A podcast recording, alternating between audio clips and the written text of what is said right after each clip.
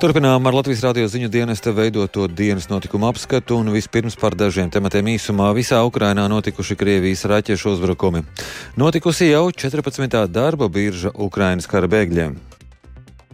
Rīgas pirmā slimnīca, Rīgas otrā slimnīca, dzemdību nams, diezgan daudz ārsti, daudz medmās, sanitāri, kas ir atraduši darbu. Ražošanā tiešām daudz cilvēku. Rīgā vismaz astoņiem tā sauktajiem lietuviešu projektu namiem jānostiprina jumta paneļi, lai tie neiebruktu. Visus namus cer pārbaudīt līdz februārim problēmas galvenokārt novērotas ir namos, kas atrodas Bolgarājā. Kārtēju reizi apstiprinam hipotēzi, ka pamatā ir jau celtniecībā pieļauts kāds nopietnas kļūdas, un tādēļ arī šāds rezultāts. Par šiem un citiem tematiem dienas notikuma apskatā.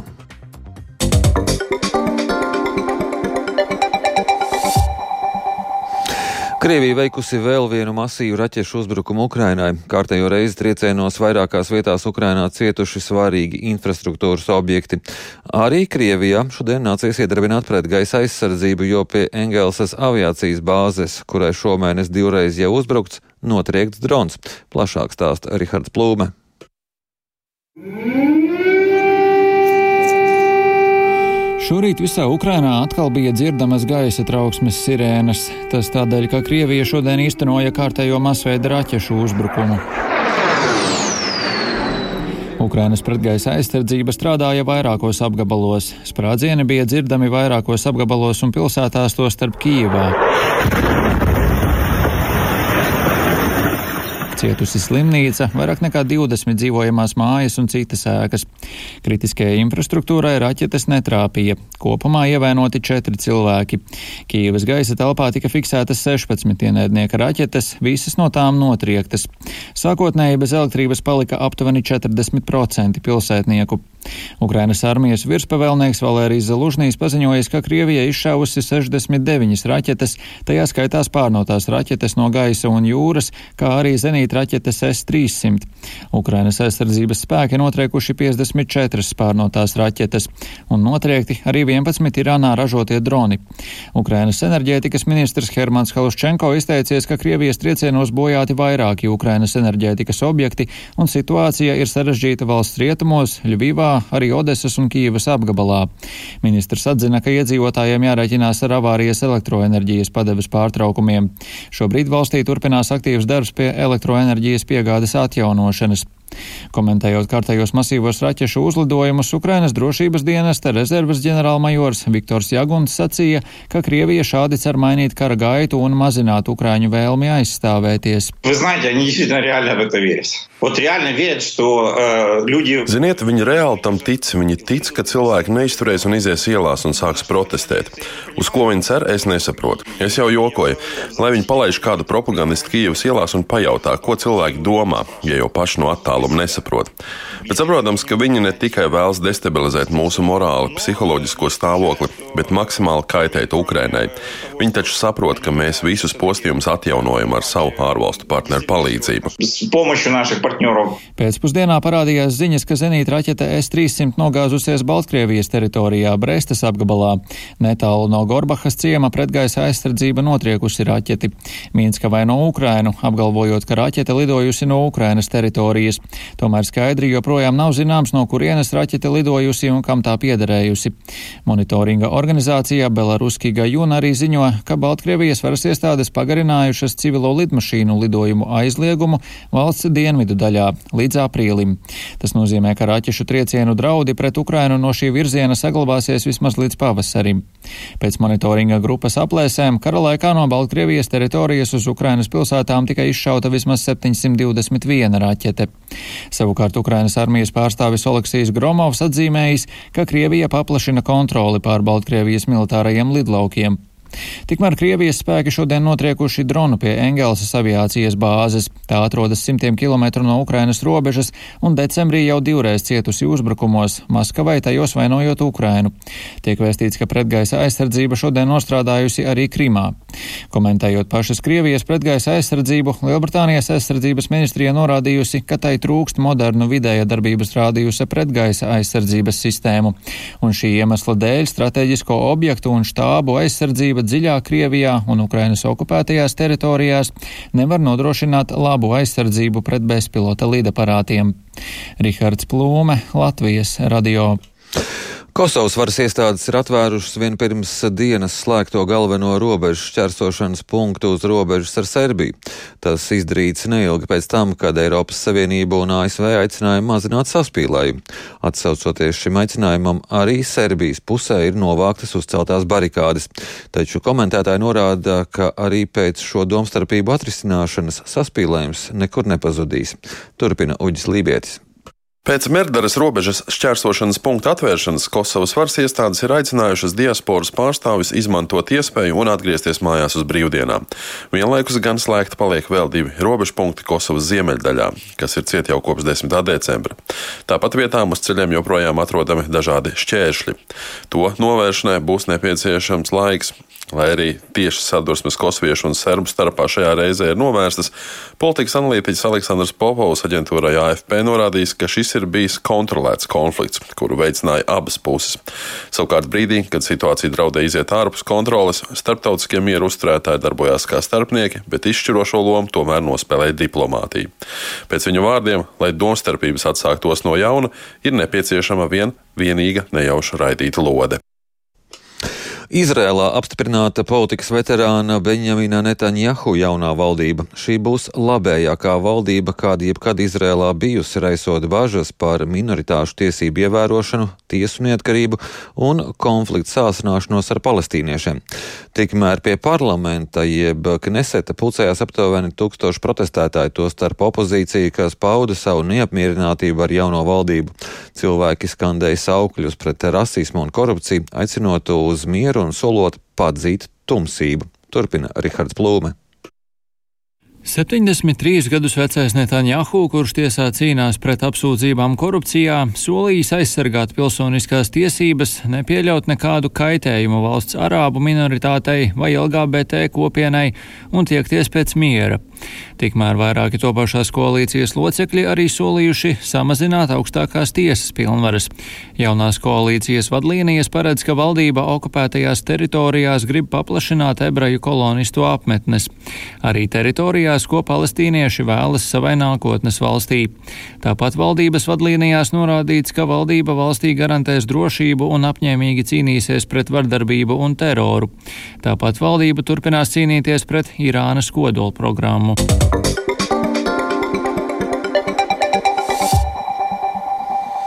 Rīgas atbalsta centrā Ukrainas iedzīvotājiem notika šī gada pēdējā un pēc skaita jau 14. darba birža. Vai šī tradīcija turpināsies arī nākamgad un cik veiksmīga tā bijusi šogad par to ievas puķis veidotajā ierakstā? Рижское управление. Да. Pie Ukrainas bēgļu atbalsta centra durvīm vecrīgā līdzās lielajai ģildei cilvēki bariņos drūzmējās jau pirms 12, kad uz divām stundām durvis vēra tradicionālā darba birža.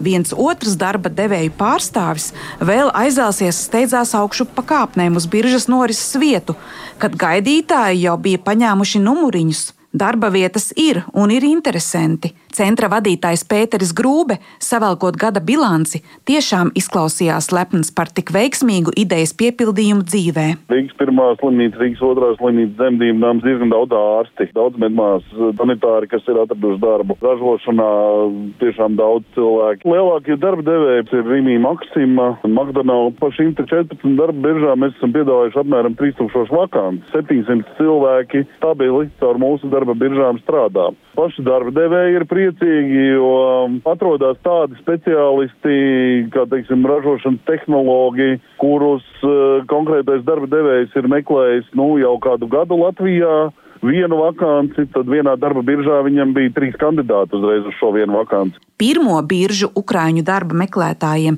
izdevās realizēt 26. maijā.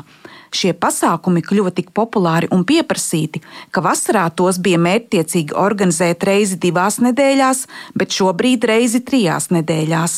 Tieši šodien aktivitāte gan bija krietni mazāka nekā ierasts - gadumijas un vīrusu dēļ. Ja vidēji darba rokas biržā meklē 10 līdz 15 darba devēji, tad šodien atnāca tikai 8, kas tomēr kopumā piedāvāja visai prāvu vakanču skaitu - 106. Biržā ieradās arī pusotras simts darba meklētāju. Pēc tās aptaujājot uzņēmumu pārstāvis, organizatori noskaidroja, ka darba pārunām tālāk virzīti 44 kandidāti. Antons Šepetis no Sijā Rīgas namīpašnieks stundu pēc biržas sākuma stāstīja, ka vēlētos nodrošināt darbu diviem vai trim cilvēkiem, kas iespējams jau ir aizrunāti. Jūs esat jau kādu atraduši darba ņēmēju? Jā, mēs eh, šodien eh, esam apguvuši četrus potenciālus kandidātus, kuri atnāks pie mums objektā. Un eh, mēs veiksim ar viņiem otro interviju. Mums interesē cilvēki, kas nodarbojas santehnikā, kā arī iekštelpu apdarē. Paņēmāt kontaktu, sarunājāt laiku? Jā, sarunājām laiku. Tūlīt eh, pēc eh, šī notikuma tiksimies vēlreiz jau objektā. Jau šodien esam arī otro reizi darba biržā. Šī gada jūlijā mēs ieguvām trīs speciālistus, kuri tiešām ļoti čakli strādā pievērš uzmanību detaļām, kvalitatīvi strādā. Mēs esam ļoti apmierināti. Natāļa no Kijavas apgabala, kas atbraukusi uz Latviju pārziemot pie paziņām, savukārt grasās pieņemt mēbeļu ražotnes Bolderāja servises darba piedāvājumu. Vai drīkstu jautāt, jums šodien paveicās, kaut ko atradāt? Ceru, ka atradu. Vēl jābrauc paskatīties, kā tur būs. Darbs mēbeļu fabrikā. Pirmajā mēģinājumā atradu. Ceru uz to labāko. Un Bolderāja, vai vispār zināt, kur tas ir? Es paskatīšos internetā, atradīšu. Galvenais, lai būtu darbs. Šobrīd ir tāds laiks.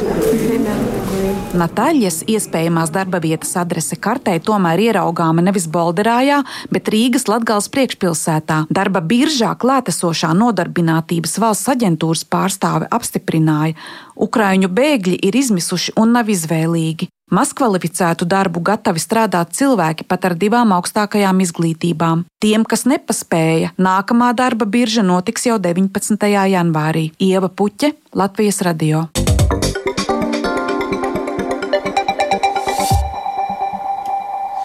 Brīdī, kad kārtējo reizi savākti nepieciešamie paraksti Iniciatīvai par visu ģimeņa aizsardzību saimā gatavojas vairāku likumu izmaiņām satversmes tiesas prasību izpildīšanai.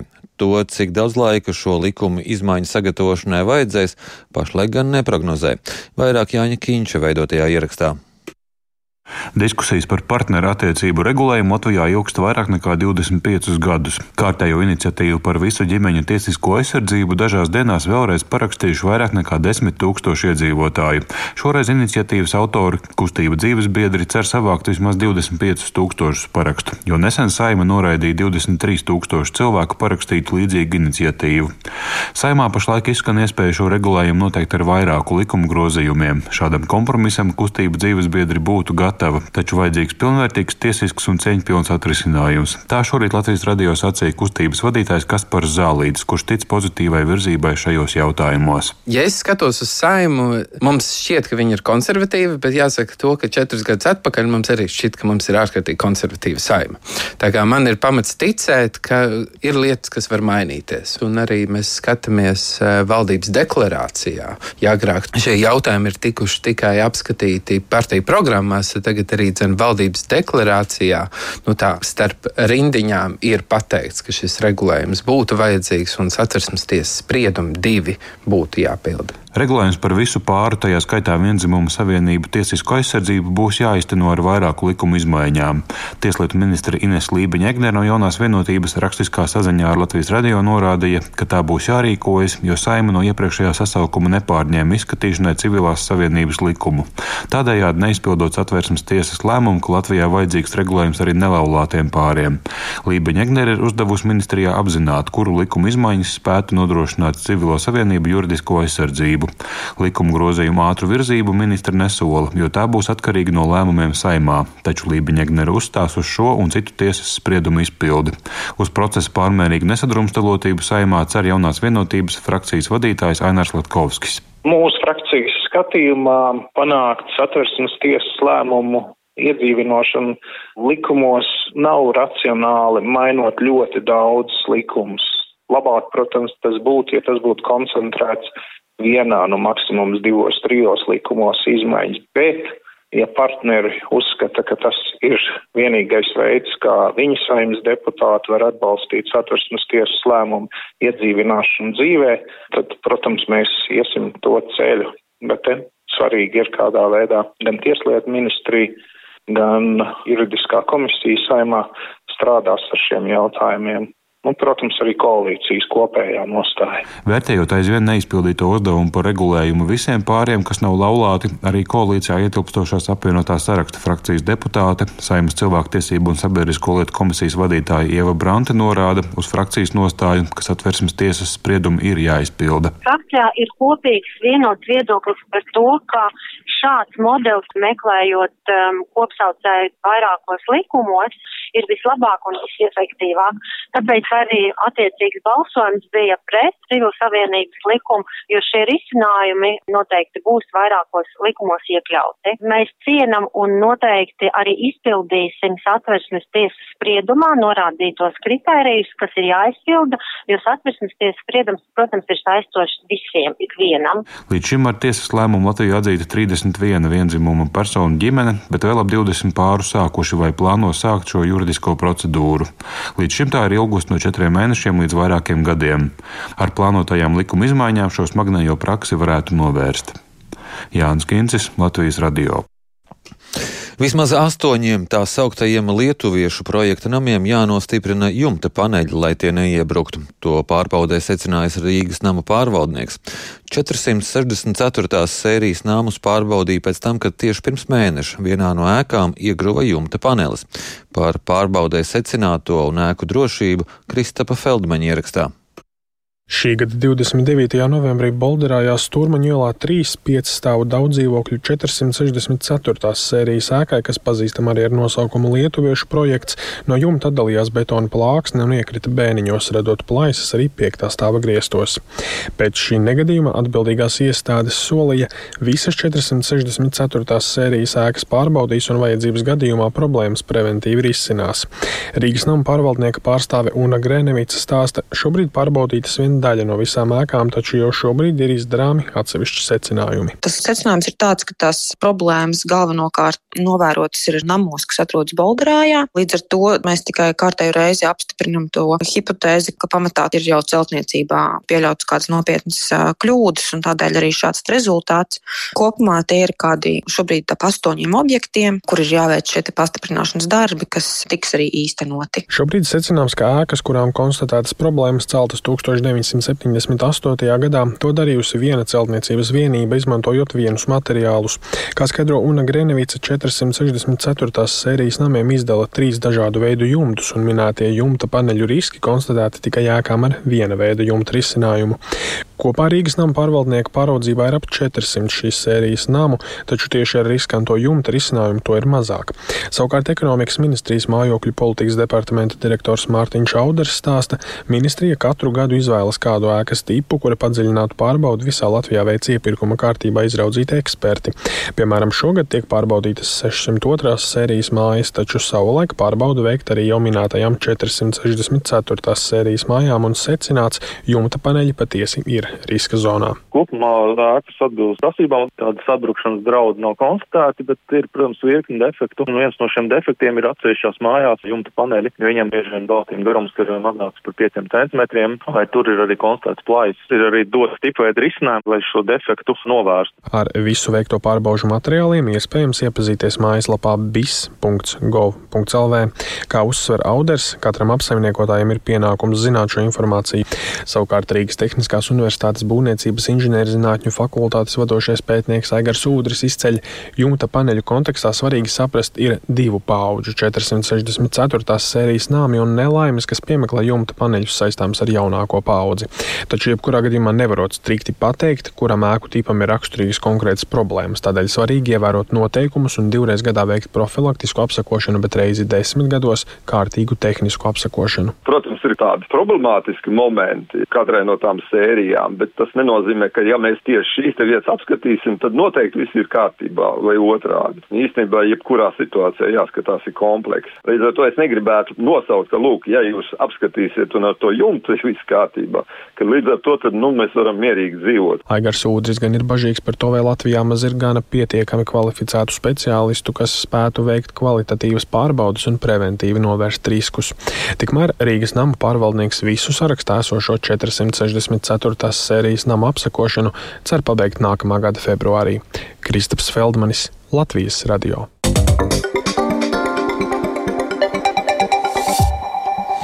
Neraugoties uz energoresursu cenu kāpumu un citām šī brīža grūtībām, Liepājas biznesa centrs turpina attīstīties. Tas izveidots bijušā gaļas kombināta vietā. Regulāri tiek paplašināta tā darbība un telpas ražotnēm. Tieši energoresursu cenu kāpums un nestabilā situācija pasaulē ir izaicinājums nomniekiem, kas darbojas Liepājas biznesa centra teritorijā. Vairāk Ingozola.